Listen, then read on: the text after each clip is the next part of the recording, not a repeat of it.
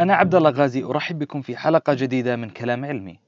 بمناسبة الدمج بين الجنسين في المراحل الأولى ولكثرة الجدل حول جدواه، حأتكلم اليوم عن فوائد الدمج بين الجنسين في الدراسة. أكبر فوائد الدمج هو أنه يمنح الأطفال من الجنسين مساحة آمنة للتواصل والعمل معا تحت إشراف متخصصين في تدريس الصفوف الأولية. الفصل بين الجنسين في هذا العمر يحرمهم من تنمية مهارات تواصل مهمة في التعامل بين الجنسين في شتى المجالات. يقول رئيس الجمعية الأمريكية لعلم النفس: وظيفة المدرسة هي التحضير للحياة.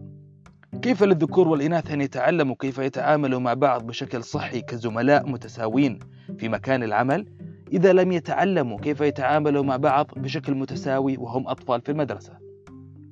أهمية اكتساب مهارات التواصل بين الجنسين في المدرسة مبنية أيضا على دراسة بريطانية تظهر أن معدلات الطلاق أعلى في الذكور اللي درسوا في مدارس غير مدمجة مقارنة بالذكور اللي درسوا في مدارس مدمجة. بالإضافة لمهارات التواصل، الدمج الدراسي يؤدي لتقليل الأفكار النمطية السلبية حول الجنسين.